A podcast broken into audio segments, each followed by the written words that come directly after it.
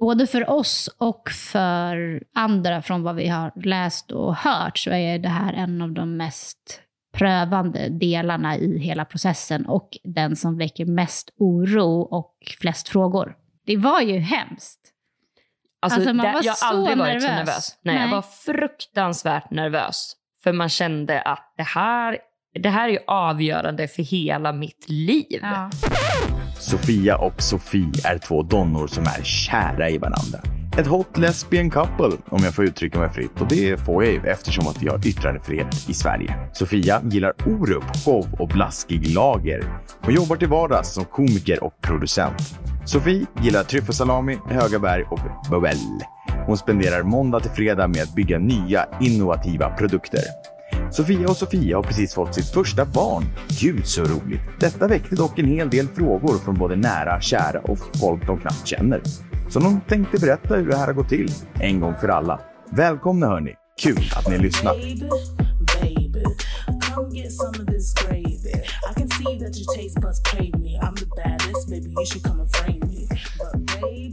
Är vi live? Vi är live. Hörs jag? Du hörs. Det är alltid jag som hörs mer för att jag har sån himla hög stämma. Men det är för att jag inte hör någonting.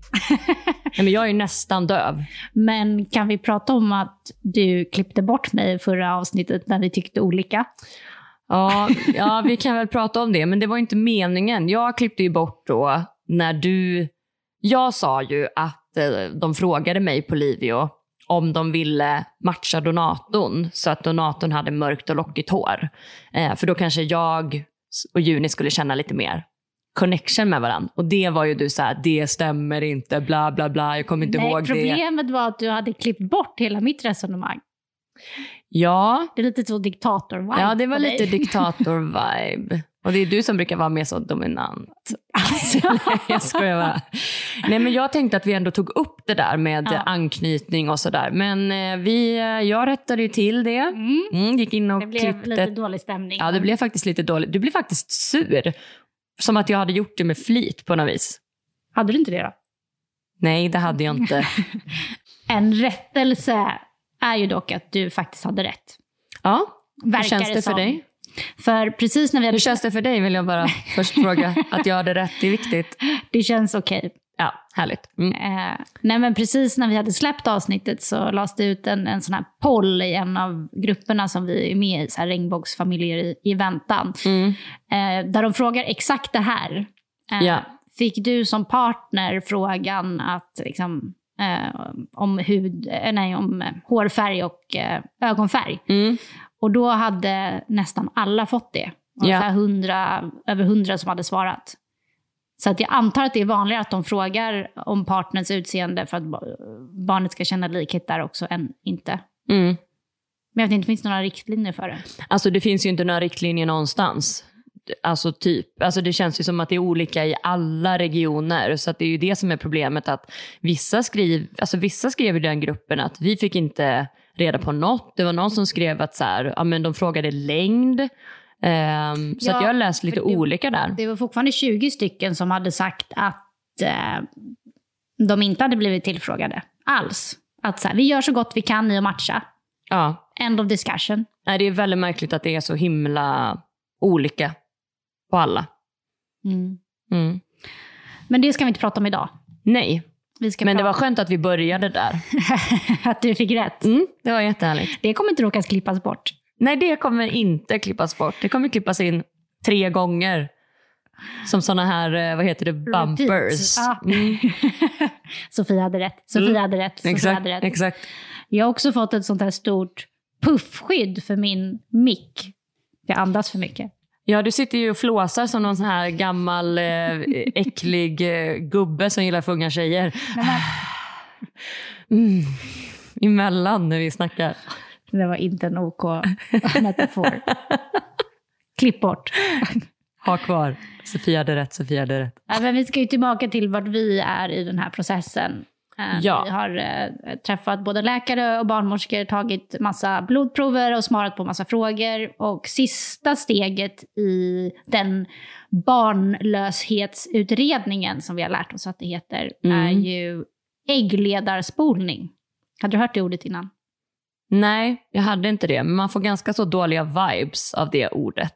Mm, tänk dig att du liksom tar fram högtryckstvätten men istället för att tvätta din veranda så här i vårtider så ska du liksom se att det är fri passage i eh, dina äggledare. Tycker du att det var en bättre metafor alltså? Att använda en högtryckstvätt i snippan eller i dina äggledare? Ja. Ja, nej men det kanske det var. Nej, det var lite too much, men Mm. det var inte skönt. Nej. De kör in så vätska med eh, blå kontrast för att se då att, eh, att det inte ska vara någonting som blockerar. För om det är det så kan man inte göra insemination. Nej, just det. Och vad, vad, jag fick inte vara med på, på det här. Det här var ju under corona. Sen kanske inte jag hade velat vara med när du låg där i en gynstol och liksom spola dina äggledare. Det hade varit skönt att ha dig i det hemska väntrummet i alla fall. Ja, men båda var ju i alla fall med för att innan du spolade, då hade vi bestämt oss att du skulle bära ju. Men vi var ju faktiskt med båda två när de kollade våra ägg. Fick man sitta bakom en sån liten skärm och så fick man kliva upp i gynstolen alltså där bakom ett Ja. skynke och bara, nej men det ser ut som att ni har ägg. Men jag var inte med på den här spolningen. Nej, men det, jag tror att det var ett separat, eller måste varit ett separat möte efter. Ja, Men från och med nu så är ju du också bortklippt ur liksom, de fysiska mötena på grund av corona. Ja, exakt. Jag får ju inte gå med på någonting som är viktigt. Så skulle jag vilja sammanfatta det. Jag får ju gå med varje gång de ska prata om vad vi dricker och alkohol och det där som vi har sagt innan att det var typ 7000 gånger. Och jag får vara med, ja men, som när man skulle liksom ge ett klamydiatest, klamydia-test fick jag också vara med. Eh, varför de ens tar det, men skit i det. Eh, det hade de inte svar på. De bara, det, det, det är standard att vi gör det. Mm, vilket toppensvar. Nej men jag fick ju inte vara med på några fysiska fysisk, ja, men grejer som äggledarspolning. Ja. Mm. Nej, men alla möten, och det var ju även sen när vi blev gravida på MVC med Ja. ultraljud och sånt. Så Ja. fick, det är ju därför det är så mycket Facetime i den här processen. Ja, verkligen. För att försöka få med dig så mycket som möjligt. Ja, Och det måste varit eh, kämpigt för alla som skaffade barn under den här perioden, oavsett om eh, man gjorde det via assisterad befruktning eller inte. Exakt. Att vara utan sin partner i alla de här momenten där man är Mm. nervös och sådär. Ja. Men okej, nej men det var jobbigt under corona att man inte fick vara med på saker. För jag hade ju i alla fall velat sitta i väntrummet, även om det var hemskt att bara vara med dig när man ska spola med högtryckstvätt i Fiffi. Ja, eh, som tur var var det i alla fall fri passage. Ja. Även om det var ganska smärtsamt, om jag kommer ihåg rätt. Ja, det känns ju som Det att... är menat att det ska vara så mycket vätska på en gång. Nej, nej exakt. Eh, Men det här var sista steget i då den här barnlöshetsutredningen Mm. som vi då fick godkänt på och då Mm. skickas en remiss. Ja, godkänt är då om man har ägg tillräckligt många. Annars så föreslår de väl IVF direkt, har jag för mig. Och sen då att du hade fria äggledargångar, heter det så? Ja, och sen allt det här andra vi har pratat om i tidigare avsnitt kopplat Mm. till eh, BMI och eh, andra sjukdomar och så vidare. Ja, inkomst och ja, men allt det där. Ja.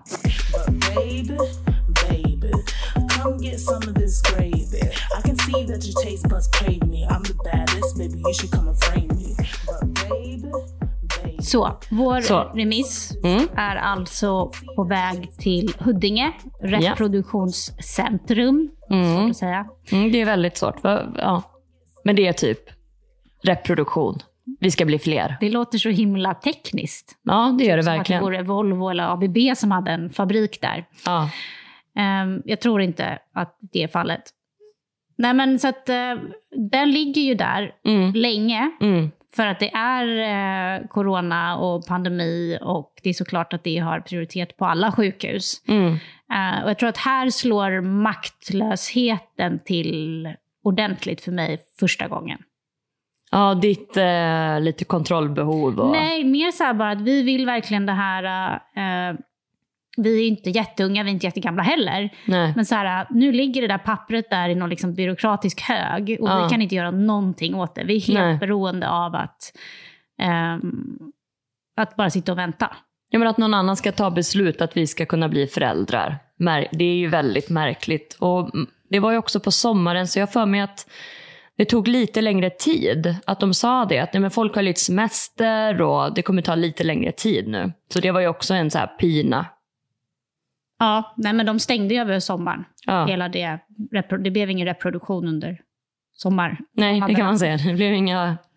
Vi kunde inte börja då, nej. Eller vi kunde inte gå vidare, heter det väl. Men till sist så dimper den här eh, godkända remissen ner i brevlådan. Ja. Kuvertet. Som en sån där filmscen nästan, att nu ska vi öppna hur det, hur det går. De bara darrar. Ja, det gör man. Usch. Eh, Och det konstiga med det brevet är att det inte är helt tydligt att man har blivit godkänd. Nej, det står ju inte så negativt eller positivt eh, resultat. Man kanske alltid blir godkänd, men det hade inte framgått. Eh, Nej, men vi vet ju många som inte, som inte Ja, blir men det. just i det här steget vet jag inte om det kanske om, om remissen liksom skickas in att den, den ska bara behandlas. Ja. I don't know. Men man får bara en lista med vårdval. Ja, ja, vart man kan fortsätta med, eh, ja, men, men hela, hela processen. Ja. Och det konstiga är att vi hade ju varit på en av Livios kliniker hela tiden och nu fick vi välja dem igen då, fast för nästa steg. Så när vi trodde att vi var klara så var det bara uppvärmningen. Mm, ja, det är mycket kvar efter den här remissen att ta sig igenom. För när man har fått sin remiss godkänd så väljer man då vårdval, vart man vill fortsätta. Och om man ska göra en behandling med donation, då måste man göra en särskild prövning, heter det. Särskild prövning. Eh, det låter ju inte jättekul att behöva göra en särskild prövning. Där ingår i alla fall möte med barnmorska, möte med läkare och möte med psykolog. Ja.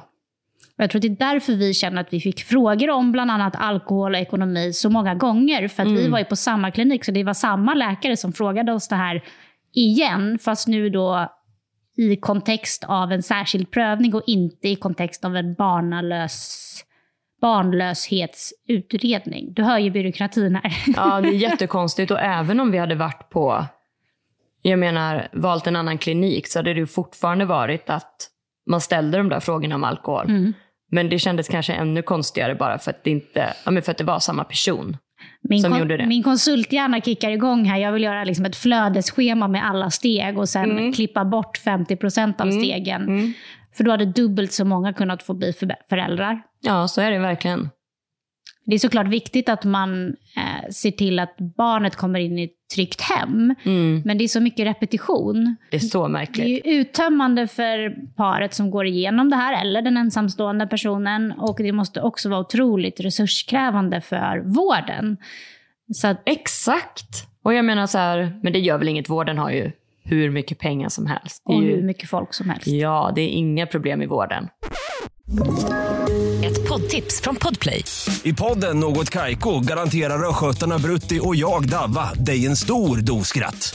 Där följer jag pladask för köttätandet igen. Man är lite som en jävla vampyr. Man har fått lite blodsmak och då måste man ha mer. Udda spaningar, fängslande anekdoter och en och annan arg rant. Jag måste ha mitt kaffe på morgonen för annars är jag ingen trevlig människa. Då är du ingen trevlig människa, punkt. Något Kaiko, hör du på Podplay. Därför är gardinerna. But baby, baby, come get some of this gravy. I can see that your taste buds crave me. I'm the baddest, baby, you should come and frame me. Hörs jag? Du hörs. Vi behöver alltid kolla. Ja, och jag måste alltid sitta en meter från micken. Alltså så högt pratar väl inte jag? jo, du pratar ganska högt. Ja, ja, ja, okej då. Ja. En del av den särskilda prövningen är ju det här beryktade psykologsamtalet. Ja. Eller medicinska termen är psykosociala utredningen. Mm. Och vissa då, som man har förstått, de kallar det kuratorsamtalet. Jag tycker nästan det är värst. Alltså kuratorsamtal, då går man i mellanstadiet. Man har gjort, alltså man ska gå in och fråga Agneta om att kanske få en kondom tänkte jag säga. Det var ju skolsyster. Kuratorn var väl mer om man mådde dåligt. Mm. Och kuratorn var där, vadå, en gång i veckan, då fick man må dåligt. Ja men kurator tycker jag känns eh, konstigast. Men psykologutredning är ju också väldigt märkligt. Nu ska vi göra det för att se om ni ska få inseminera er. Ja, Då är det här alltså säkert det tionde, tolfte mötet som man har. Ja, det är det i, nog. i Mm. kedjan av events för att komma framåt. Ja. Men det beskrivs i alla fall som ett utredande och reflekterande samtal om familjebildning som man måste ha om man går igenom det här eh, med donation. ja. Och syftet är en helhetsbedömning. Både för oss och för andra från vad vi har läst och hört så är det här en av de mest prövande delarna i hela processen och den som väcker mest oro och flest frågor. Det är jättemånga som skriver att eh, fick ni avslag för att ni berättade att ni hade alltså, haft psykisk ohälsa för 15 år sedan? Fick ni avslag för eh, att ens pappa kanske var alkoholist under ens Mm. uppväxt? Alltså, det är så himla många saker som, som folk är oroliga för och som inte borde ha någonting med någonting att göra tycker jag. Alltså har man varit sjuk eller haft en förälder som har varit sjuk så kan det ändå påverka ens resultat på det här. Och det är ju väldigt märkligt och jag förstår att folk eh, blir väldigt oroliga. Mm. Och Socialstyrelsen skriver ju till och med ut att så här, vi förstår att det här kan kännas påfrestande och att du blir ifrågasatt. Speciellt som ensamstående och som samkönade. Jag vet inte riktigt om man får andra frågor då eller varför man skulle känna sig mer ifrågasatt än... För det är ju samma, det är samma samtal för ett heteropar om de ska ta hjälp via donation. Mm, så det låter väldigt, väldigt märkligt. Men det kanske är bara att normen är att man Ja. skaffar som mamma och pappa eller som kille och tjej.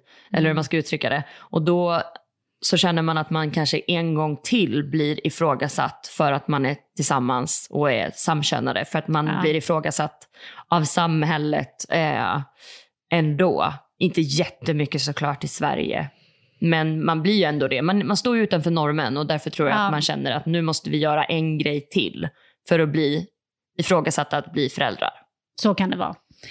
Ehm, det är också, har vi lärt oss, kö till att få den tid till det här samtalet. Ja, kö, kö, kö. Jag hatar ju att stå i kö. Jag vet. Jag kan inte hantera det. Man vill tillbaks till Brasilien, som vi har nämnt. Man hade en gaykö in Hot på krogen. Mm. Ja, nej, men det är kö för att de här eh, psykologerna eller socionomerna, vi fick en, nej vad fick vi? Vi fick vår bedömning gjord av eh, Anna-Lisa, socionom på, ska läsa till Skandinavisk sjukvårdskompetens i Falun. Så vi hamnade där till slut, i I Falun. Falun ja. Men på Skype. ja, exakt. För det var under corona och hon satt i Falun. Ja, så på 45 till 90 minuter i det här Skype-samtalet med den här Anna-Lisa i Falun. ska- 45 till 90 minuter, är det för Ja. att du inte kommer ihåg Nej, vad vi hade? nej, det är det som står i mina papper. Mm. Vi hade ju i alla fall nästan en och en halv timme, kommer jag. Ja. Mm. Hon hade väl många frågor till oss. Mm, vi såg också himla, eh, vad säger man, hon kände en risk för de här brudarna, de ser Ja. konstiga ut. Nej, men det, det var ju hemskt. Alltså, Alltså, man det, var jag har aldrig varit så nervös. nervös. Nej, Jag Nej. var fruktansvärt nervös. För man kände att det här, det här är avgörande för hela mitt liv. Ja. Och det är, ju, det är ju sant, det är ju inte ens en överdrift. Vill man ha barn, då bestämmer Anna, Lena eller Anna, Sofia eller vad hon nu hette. Det var dubbelnamn i alla fall. Ja, det var något dubbelnamn. Då bestämmer hon över om... För jag tror inte att man kan göra om den här utredningen. Kanske med en ny partner. Det borde man kanske få. Men jag tror inte att du och jag bara, som att det är ett körkortsprov, teoridelen, du bara, du kan hålla på hur många gånger som helst och köra upp och till slut så klarar du det. Nej, men anledning till oro och ehm, liksom, otydlighet här är återigen att regionerna verkar göra lite som de själva vill, baserat på riktlinjer. Eh, där vissa får ha flera samtal om det finns osäkerhet. Och vissa behöver lämna in så här, arbetsintyg och anställningsavtal för att bevisa då att det man säger är sant. Det är också helt sjukt. Gå till sin chef och bara, kan du intyga här att jag ska få bli mamma? Alltså, Man involverar fler och fler i, i processen. Ehm, ganska privat också att man kanske gör den processen. Och så kanske man har börjat på sitt jobb så Ja. två månader tidigare så ska man avslöja att så här, jag kanske kommer bli gravid nu och jag kommer försvinna från min tjänst. Nej, men det har ju vi också pratat om. att så här, Hur förklarar man på sin arbetsplats eller för sina nära och kära att man går igenom den här processen när man ska vara borta på 20-30 läkarbesök Mm. Under ett år? Ja. Och kanske inte vill vara helt öppen med att Nej, men vi håller på att skaffa barn men det, det går inte riktigt på vanlig väg så att vi Nej. gör det här via sjukvården. Mm. Eller om man ska hålla på och pendla till Danmark. Jag har ingen aning om hur man får ihop livspusslet då. Inte jag heller. Man får ju göra upp en budget så att man är ledig i några månader. Ja.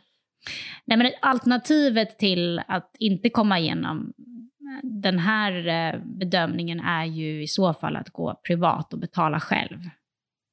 Då får man vara hur urspårad som helst så länge man är i RUT. Just det. Cash is king som vanligt. Då Ja. kan man bara köpa sig förbi kanske. Man kanske inte ens Mm. behöver göra det här. Bara, men du får 50 lax under bordet och så klarar vi där. Men ska vi läsa lite ur våran... Eh, Ja, men eh, jag, utredning. Jag tänkte att vi också bara ska reflektera över kötiden. För vi fick stå i kö i tre månader för att få den här psykologtiden. mm. Men jag läste nu i veckan att i Malmö just nu så har man stått i kö i två och ett halvt år och har fått sin tid i december. Två och ett halvt år. Vet du hur många ägglossningar det är? Miss chances. 12 gånger 2 plus 6, 24, 30 ägglossningar. Ja. Om man har, ja, ja. Men där kan man snacka maktlöshet. Tiden går Mm. och man får ingen tid. Nej.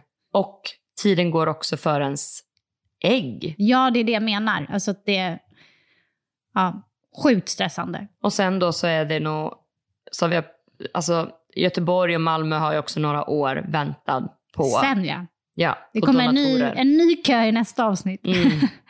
Sjukt. Ja, sjukt. Eh, men till vårt samtal då. Ja, jag tänkte jag skulle börja läsa upp alla punkter som man svarar på där. Mm. Shoot. Vi har ju vårt lilla brev här. Okej. Eh, man går igenom uppväxt, utbildning, arbete, huvudsaklig sysselsättning, tidigare nuvarande sjukdomar, alkohol och droger, aktuell livssituation och parets relation, släkt, familjerelation, övrigt nätverk och personligt stöd, boende och ekonomi, rekreation, fritid, vad fan, skriv bara fritid. Föräldraskapets aspekter, barnets ursprung och förväntade uppväxt, samlad bedömning. Det är inte konstigt att det tar 90 jävla minuter för Anna-Britta att göra det här. Ett poddtips från Podplay. I podden Något Kaiko garanterar östgötarna Brutti och jag, Davva, dig en stor dos skratt. Där följer jag pladask för köttätandet igen. Man är lite som en jävla vampyr. Man har fått lite blodsmak och då måste man ha mer. Udda spaningar, fängslande anekdoter och en och annan arg rant. Jag måste ha mitt kaffe på morgonen för annars är jag ingen trevlig människa. Då är du ingen trevlig människa, punkt. Något Kaiko, hör du på Podplay. Därför är gardinerna. Vi har alltså fått fyra stycken utredningar. Sofia har fått en, jag har fått en, sen har jag och Juni fått en, det framtida barnet, och Sofia och Juni har fått en. Så det är fyra papper, Mm. men det är nästan copy-paste på alla fyra, för de har väl inte orkat skriva individuella bedömningar, så det står exakt samma på boendesituation för mig och Sofia, vilket makes sense. Men Mm. jag gillar inte logiken i, i bedömningen. Nej, men det är ju jätte... Alltså allting är ju jättekonstigt. För att det är så mycket saker som man känner, det här har ingenting med något att göra. Jag vet inte om jag ska välja någon punkt här då. Ja, kanske... Du gillar ju alkohol. Alkohol och droger. Emellanåt tillsammans med vänner och vid festligare tillfällen dricker Sofia alkohol. Hon har aldrig använt någon drog. Prydligt. Väldigt, väldigt prydligt och ändå sant. Men emellanåt, man är så lite ibland, vilket det är såklart, men jag menar så här. Vill du höra min? Ja, jag vill höra din. Alkohol kan Sofie dricka emellanåt, men har aldrig provat någon drog. Extremt kortfattat. Väldigt kortfattat. Man bara, det här låter nog lite sant. Men så, så man, får, man får linda in det lite Det är grann. helt Mm. sant kanske. Men... Okej, vi tar några mer då. Okej, så här, släkt, familjerelation. Sofias föräldrar och äldre syster bor kvar i Borås. De har en fin och nära relation och föräldrarna äger ett sommarhus söder om Borås där de ofta spenderar tid tillsammans. Sofia har en syster i Stockholm. Hon har familj och väntar ytterligare ett barn inom kort. Sofia berättar att de ses kontinuerligt och står varandra nära. Sofias bror bor med sin familj i Danmark. De har kontakt och ses när det finns möjlighet. Alltså vad fan är det här? Det låter lite som en av Junis barnböcker. Exakt som en av Sofia hennes... bor i Stockholm, hon har en mamma och en pappa. Men det är också helt sjukt så här. Hennes föräldrar har ett sommarhus söder om Borås. Det verkar också viktigt med hus, för på min släktfamilj så står det Familjen har en lägenhet i Kroatien där de brukar tillbringa semestrar tillsammans ofta. Hela familjen har en fin och nära relation. Det känns också lite när vi läser det här något. Det är lite skryt. Vi Ja, har ett sommarhus och vi har Kroatien. Eh, men det är bara väldigt märkligt att det ens eh, står med. Att de ens har frågat om Ja, sådana saker. Här kommer mera skryt. Sofie berättar att hon har många nära vänner, även barndomsvänner, som hon har nära relation med. Mycket nära. Sofie säger att även Sofias vänner nu har blivit deras gemensamma och de trivs väldigt bra. Föräldraskapets aspekter. Att bli förälder är något som Sofia haft i tankarna länge, men velat träffa någon där det känns rätt att bilda familj med. Sofia och Sofia har pratat kring att försöka bilda familj i cirka två år nu och har legat med varandra varje helg. Nej, jag ska. Eh, De är trygga, de är både trygga med att det kommer att bli härligt att bilda familj tillsammans med varandra nu. Nu! Nu. Det är som i den här Tomten är far till alla barn. Jag vill att ni reser er upp och säger efter mig. Jag, bla bla bla, har inte legat med Sara Anrell. Men det har vi alla ju. Nu! Jag menar nu, menar jag. Jättekonstig referens. Världens, världens jättebästa film. Ja, Vad har det med vårt brev att göra? Jag menar att det var så med varandra nu. Nu, okej. Eh, man får också varsin samlad bedömning. Så Just det. Jag har ett papper med mitt personnummer där det står då samlad bedömning och så är det Sofie berättar om en trygg och stabil uppväxt. Bla bla bla, hon har ett arbete, eh, de känner att de har hittat rätt.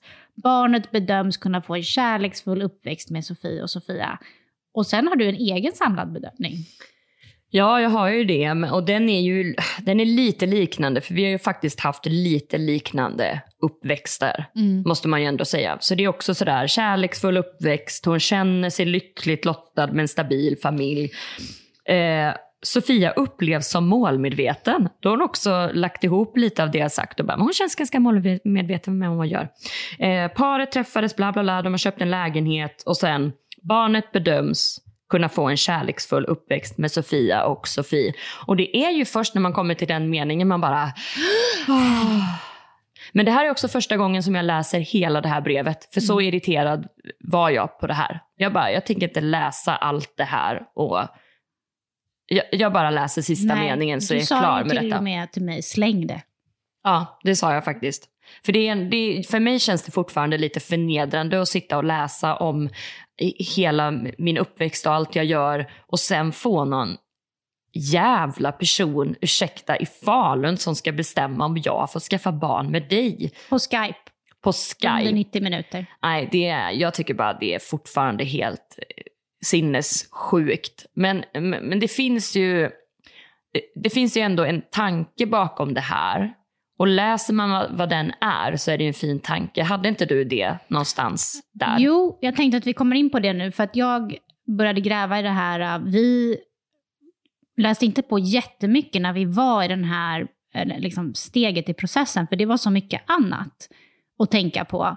Så att vi, Ja. bara, vi måste bara få det här överstrykat. Det är liksom check in the box för att kunna gå vidare och äntligen få börja försöka på riktigt. För än så länge har det bara varit samtal och undersökningar och blodprov och annat. Men eh, jag hittade i alla fall Socialstyrelsens handledningsmaterial till klinikerna på deras SharePoint. Såklart, hur lång var den? 34 sidor. Jag har du läst den? Jag har läst alla. Mm, du har läst den ja. Eh, ja såklart att du har. och där fin- 34 sidor Där Sofie. finns det ju massa bakgrund till varför det här är viktigt. Ja, Jag ska inte liksom ge en recap på 34 sidor. tusen tack. Men i, gru- i grund och botten så är ju syftet att se till barnet bästa.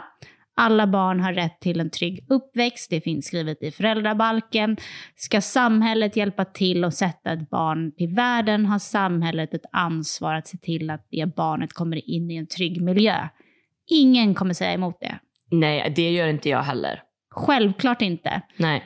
Och sen är det massa paragrafer om ja, men, hur de har tänkt och varför det är viktigt. And it makes sense. Mm. Men när man sitter hos en läkare och kanske har då stått i kö dessutom i nästan tre år för att få göra den här eh, psykologutredningen så är det svårt att ha det i bakhuvudet och bara just det, men så är det. Utan man bara känner sig ifrågasatt och frustrerad att det inte går framåt. Ja, och att man också ska sitta och vänta så här. Nu ska Anna Gunnel bara så här eh, samla ihop allt vi har sagt och skriva ihop ett brev på sex sidor. Och ja, nej men det är det där med, jag tror det är det där med brevet som nästan är värst på något vis. Sitta och vänta på det. Ja, och bedömas. Mm. Men ja, men det som det, som det alltid är också att man, man gör ju såklart den här utredningen och man är jätteglad att Sverige har systemet att vi får skaffa barn, alltså som samkönad överhuvudtaget på patientavgift. Det är ju helt otroligt. Det är inte många länder som har det så. Nej, det är helt fantastiskt. Men det är inte heller många länder som drar av halva vår lön i skatt. Så det här kändes ändå ganska fair på något vis. Vi blev ju godkända. Vi har ju haft eh, lyxen att ha trygga, bra uppväxter och eh, liksom lyckats städa upp oss själva till att ha jobb och boende och allt sånt där som ska vara på plats för att då enligt de här riktlinjerna kunna ta hand om ett barn. Det har ju inte alla.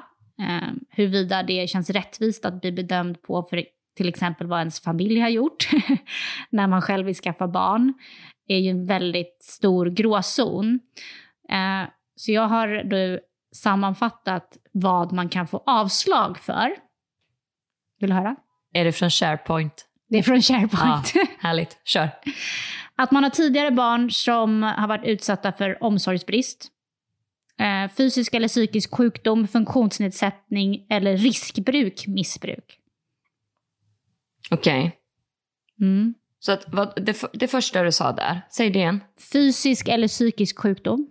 Det där är ju jättemärkligt. Alltså man har haft en sjukdom, det kan ju vara många år sedan som helst. Alltså psykisk sjukdom, alltså, då undrar jag också så här, vilket spann är det på det? Är det att man gått på antidepp och haft ångest? Alltså, jag menar det är så himla vanligt nu för tiden att man Det mår står, dåligt. det står inget i handlingsmaterialet om vilka fysiska eller psykiska sjukdomar. Nej, Jag men funktionsnedsättning är ju också, det är ju nästan ännu värre. Vad, vad är gränsen för det? Ja. Ska man bli en sämre förälder för att man har en funktionsnedsättning? Alltså det där är Mm. ju bara diskriminerande. Eh, jag tror inte att du kommer ha någon invändning på nästa dock. Allvarlig kriminalitet. Nej, det har jag inte. Men det är också lite som med de här papperna nu, att man, det heter väl funktionsvarierad nu. De är också ganska långsamma också på att ändra saker. Ja. Men skitsamma, det var ett sidospår. Men, nej men, ja, krimina, man, jag tycker inte att man får vara kriminell, det tycker jag faktiskt inte. Tecken på våld, kontroll eller andra svåra problem i nära relationer. Ja. Svårt att avgöra på 45 minuter via Skype dock. jättesvårt. Och jag menar, förstår hur många kvinnor som är i förhållanden, våld i nära relationer, men så kanske man har tagit sig ur det, har man klarat det och vill skaffa barn, och så får du inte det för att någon jävla snubbe har slått dig i några år. Alltså det där känns ju också... Jag tror att det är om man själv visar tecken på våld. Inte om man har blivit utsatt för det. Nej, okej. Det hade varit sjukt. Ja, det hade varit riktigt sjukt. Ja. Okej, men... Den här är lite intressant. Den Mm. känns väldigt modern. Mm. Oklarhet om relation. Ja, där har de i alla fall den- gått in och ändrat så. Polly, om du har bara en KK. Och den här riktar sig ju främst då till ensamstående. Och det är så här, är du verkligen singel? eller inte. Ah, För då får du inte göra det som ensamstående om du faktiskt har en relation. aha. Okej, så att man, ja, om man är ett par då så där en inte vill ha barn. Ja, jag vet inte, men okej. Ja.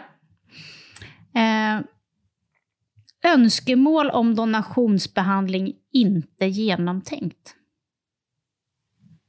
Om man har varit lite spontan och bara nu skulle jag vilja skaffa barn. Jag går till landstinget eller regionen och så ser jag om de godkänner 14 det. möten senare på kliniken så är, känns det som att man har hunnit tänka igenom det här Mm, både det en, två, tre, hundra gånger. Ja, verkligen. Eh, nej, men den syftar då till att den som genomgår donationsbehandling måste kunna hantera att en av föräldrarna inte kommer ha någon genetisk koppling till det eventuella barnet. Okej. Så det är mycket det vi pratade om i förra Mm. Ja. avsnittet. Har du tänkt att dra alla punkter? Nej, Nej, jag ville bara, jag ville bara kolla. Så att ni vet ni som lyssnar om vi, om vi kommer ha alla datapunkter med. jag kan dra dem lite snabbt. Men det är, Ja, det här är jätteintressant. här är mycket gråzon. Avsaknad av välfungerande socialt nätverk. Inställning till att berätta för barnet om dess genetiska ursprung. Bedömning av sökandes insikt och inställning. Insekt och inställning. Insikt. Insikt. jag bara, här är ett konstigt ord jag inte förstår. Okej, ja. Och den är ungefär samma beskrivning som den översta där. Att här, man måste förstå att man inte kommer ha en genetisk koppling, man måste kunna hantera det. Det är lagstiftat att barnet har rätt att få veta sitt ursprung. Så de vill ju, mycket handlar om att testa personen eller personerna kring attityder kring donation, verkar det som. ja. Och det här var sånt man, man kan få avslag för allt det här då. Ja, Mm. Det är en otroligt lång lista. Man förstår att det är många som inte blir godkända. Och sen verkar det också som att det, det är ju verkligen också det här, precis som med vilken körskolelärare du får. Vi hade ju en som kallades Kugg-Eva. alltså hon var toppen, alltså verkligen toppen person. Men, men eh, lite strängare eh, i, i, i att säga ja till om man Ja. skulle få sitt körkort. Och det är samma här. Vi hade ju kunnat hamna hos någon som går igenom den här listan nitiskt och som ställer ännu konstigare frågor. Det, det är ju lite lotteri menar jag, vem man hamnar hos. Precis som om man hamnar hos någon läkare som faktiskt hjälper en. Eller som bara frågar så här, är du lite stressad? Man bara, nu har jag sökt hundra gånger för den här problematiken. Så det är lite lotteri också. Det måste också vara ett otroligt svårt jobb, tänker jag. Och sitta då på distans oftast, två som längtar efter barn eller en person som längtar efter barn. Gå igenom hela deras eh, liv från att de föddes till vart de är idag, eh, kopplat till alla olika aspekter. Och sen göra en samlad bedömning som kan vara så avgörande. Det måste vara jättestressigt. Jättesvårt. Som när min idrottslärare gav mig MVG i nian. och jag kan inte ens sparka på en boll typ. Men jag, är super, jag var superbra på att dansa och på gymnastik och sådär. Men där kan man säga att i, i, så här, när man kollar tillbaka, jag förtjänade inte ett MVG. Det var jättebra att få det, men där var det samlad bedömning som kanske inte var helt objektiv på vad jag kunde. Alltså det var så otroligt Ditt, boll, dåligt. ditt bollsinne föll bort ur den samlade bedömningen. Ja, herregud. Jag var också så jävla dålig på friidrott. Alltså 100 meter sprang jag är så på inte en och en är halv inte minut. alla dåliga på friidrott? Nej, men det, man hade ju ändå några som kunde kasta kula mer än en meter och kunde typ träffa med ett brännbollslag. Brännboll är inte friidrott, men alltså. nej, men alltså jag var så jävla dålig. Där räddade du snabbt. Ja. Eh, Ja. Nej, men det är jättesvårt med en samlad bedömning såklart. Man har ju ett väldigt stort ansvar när man ska göra den här. Och jag, jag tror ju ändå så att de flesta vill ju, alltså de, de vill ju att man ska klara det. nej men så här, vi är ju jättetacksamma att vi fick godkänt Ja, i vår såklart. samlade bedömning. Såklart. Man är jätteglad att det finns. Men sättet som det görs på och vart man är liksom mentalt när man ställs inför det här samtalet Mm. är ju väldigt jobbigt. Och det verkar vara så för flera. Baby, baby.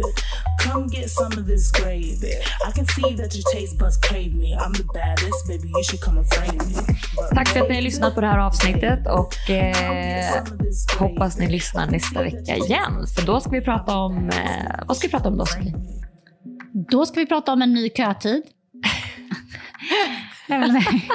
Den kön man ställer sig när man har blivit godkänd från va- nej, godkänd eh, i sin särskilda prövning. Och om insemination. Insemination, det blev lite nervös nu. Insemination. Ja, det här, kom, det här kommer vara jobbigt för mig för det är så privat. Ja, men vi, vi tar oss igenom det tillsammans. Mm, Jag kanske kan ge dig lappar så får du prata. Så. Puss och kram! Hej då!